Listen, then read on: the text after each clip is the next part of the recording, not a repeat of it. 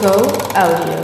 De audiokrant van Go Short. Internationaal Short Film Festival Nijmegen. Het is de laatste dag. Filmmakers lopen rond met koffers. De films die gisteren in de prijzen vielen worden getoond. Het is een warme, zonnige dag, want we zijn aan het einde van een geslaagd festival geraakt. It's the end. Willemijn sprak met Paul. Hij selecteerde fictiefilms voor de European Competition. Waar let je op als jurylid? En wat maakt een film een goede film? Ik heb de fictieselectie gedaan. Dus uh, uitgekozen samen met een team welke films er in de competitie zitten, in de Europese competitie. En ik heb hier een stukje videobegeleiding gedaan. Dus er is hier een uh, heel tof videoteam die heel erg aan de slag is om allemaal uh, dingen vast te leggen. highlights te pakken, blokken te filmen, awardshow te filmen. En ho hoe kies je een film uit voor, het, voor de competitie? Waar letten jullie op? Nou, je ziet best wel heel veel films. Om een context uh, te geven, ik denk dat ik zo'n uh, 200 films heb gezien. Dat is echt onwijs veel. Ja, dat is echt wel dat is heel veel. En uh, ik hou heel erg van de korte film, dus dat scheelt. En wat, ja, wat een goede film is, dat is echt zo... Uh, het is goed, een goede vraag hoor, maar dan, dan krijg je eigenlijk ook het antwoord van... Uh, ja, het is bijna onbeschrijfelijk. Het is enerzijds een gevoelskwestie. Ja. Het is een hele subjectieve ervaring natuurlijk. En we doen het met een team van ongeveer zes leden. En ieder heeft zijn eigen lijst en die, die krijgt zijn favorieten. En uiteindelijk uit die favorieten gaan we dan een discussie aan.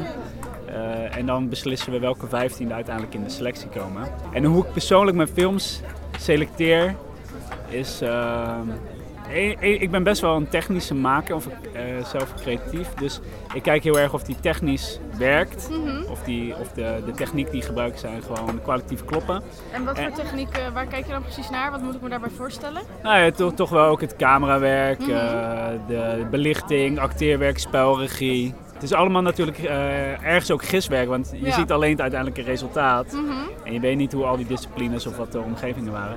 Maar dan bedoel ik ook te zeggen dat een film kan, hoeft er niet per se super gelikt uit te zien. Maar het camerawerk moet wel in dienst staan van het verhaal. Ja. Of van de sfeer die de film wil maken. En dan daarnaast moet je een beetje inschatten uh, wat het doel is van de film. Of wat de film ja. wil. Wat, wat, uh, iemand had een plan om een film te maken hoe je daar uiteindelijk komt en wat het uiteindelijke resultaat is, dat kan uh, heel erg verschillen.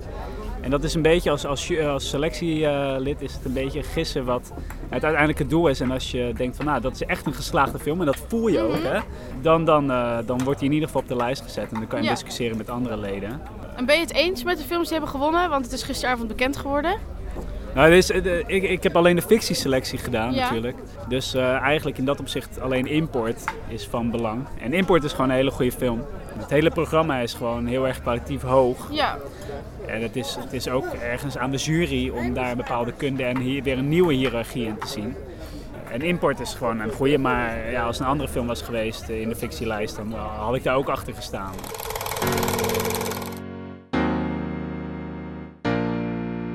Mirjam Marks maakte de geëngageerde documentaire Spotlight on Myrna over de vluchtelingen die in haar gastland meedeed aan The Voice Kids Arabic. De documentaire werd getoond in het kidsblog op Go Short. Wij gingen met haar in gesprek. U heeft een documentaire gemaakt, Spotlight on Merna. Waar gaat dat precies over? Spotlight on Merna gaat over de Irakees christelijke Merna. Zij is 11 mm -hmm. jaar en uh, zij is gevlucht uit Irak vanwege IS-dreiging. En zij is naar Beirut gevlucht. Mm -hmm. Daar is zij in de finale van Voice Kids Arab ja. terechtgekomen. Mm -hmm. uh, het zit in het kidsblok hier op Go Short. Waarom is het speciaal voor kinderen? Uh, omdat het gaat. Het, nou ja, ik denk dat het niet eens speciaal voor kinderen is. Volwassenen kunnen er ook heel goed naar mm -hmm. kijken. Maar hij is wel voor kinderen gemaakt, zodat ze zich kunnen identificeren met kinderen die uh, toevallig in een heel andere plek geboren zijn en daardoor een ander leven leiden. Ja.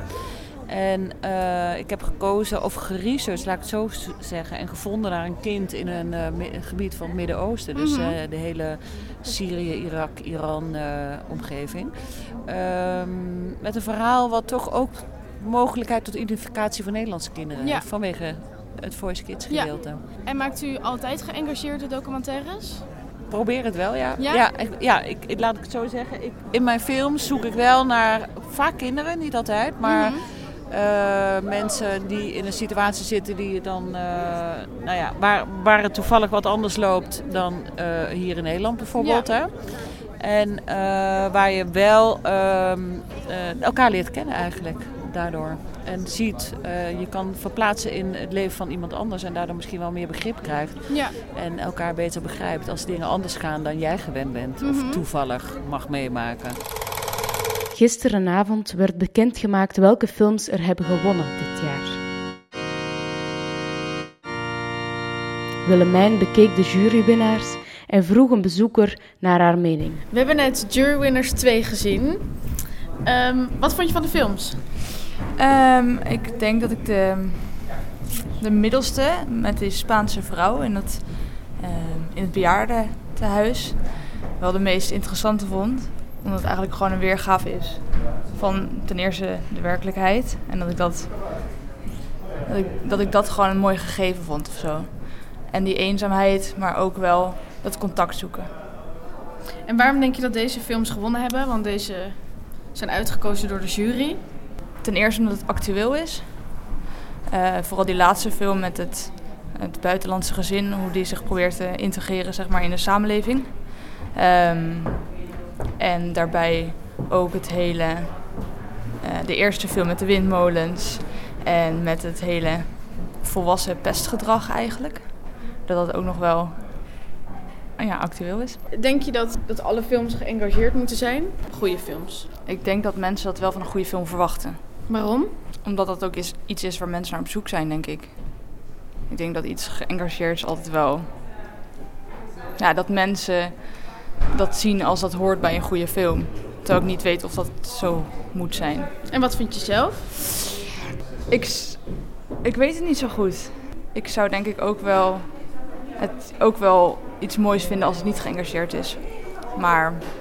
Maar kan een film niet geëngageerd zijn? Dat is een goede vraag. Dat weet ik niet. Het festival zit er nu echt bijna op. Hoe zou het gaan met de coördinator van deze vijf schitterende dagen? Corinne vroeg het hem. Bart, je bent coördinator van Go Short. Het is bijna gedaan. Hoe voelt dat?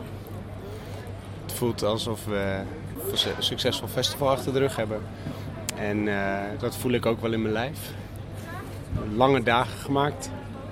Uh, heel veel energie van gekregen. Dus het, uh, in Duits hebben ze daar een woord voor energie, energieausgleich. Dat je een soort van een, een evenwicht overhoudt. Dus ik, op de een of andere manier kost het mij geen enkele moeite om overeind te blijven staan. Omdat je zoveel goede dingen terugkrijgt van al die verschillende mensen die hier te gast zijn. Eh, als filmmaker of festivalorganisator. Maar ook van ons publiek en eh, het team en de vrijwilligers die hier rondlopen. Ja, dus ik ben wel heel gelukkig. Als coördinator, wat was het hoogtepunt van deze editie? Um, ik werd heel blij van uh, onze Movie Zone Youth Jury dit jaar. Een club van zes, uh, vijf jongelingen met een bleek gigantische passie voor film. En uh, die hier met heel veel plezier hebben rondgewandeld. En het leukste was dat ik ze donderdag heb mogen rondleiden. En daarvoor had ik een toertje samengesteld waarbij ik langs een aantal van mijn teamleden ging. Die hen meer hebben verteld over hoe zo'n festival dan tot stand komt. En we liepen van het paviljoen waar, uh, waar alle filmmakers zich verzamelen en alle uh, bezoekers om, om te drinken en om te genieten van het programma. tot aan de projectieruimtes bovenin de zalen. En ik heb daar zoveel plezier gehad met die interesse van niet alleen van de, van, van de jury, maar ook ehm, eh, de passie waarmee mijn teamleden dan vertellen over waar ze mee bezig zijn. Wat ga je morgen doen? niet uitslapen, maar afbouwen.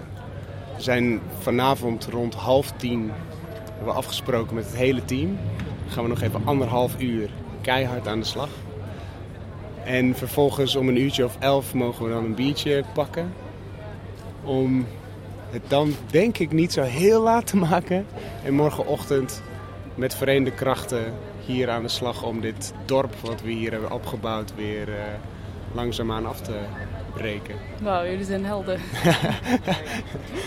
en, uh, en daarna? Wat gebeurt ja. er daarna? Nou, we staan, er staat voor ons voor aanstaande donderdag al wel een um, evaluatie gepland. Waarin we het programma gaan doornemen. En vervolgens zullen we dat ook gaan doen met het hele team. En dan komen we ook in een proces van afwikkeling en van verantwoordingen schrijven. En vooruitdenken naar hoe we die tiende editie gaan aanpakken. Want die gaan we toch ook wel heel serieus, uh, daar gaan we heel serieus mee aan de slag.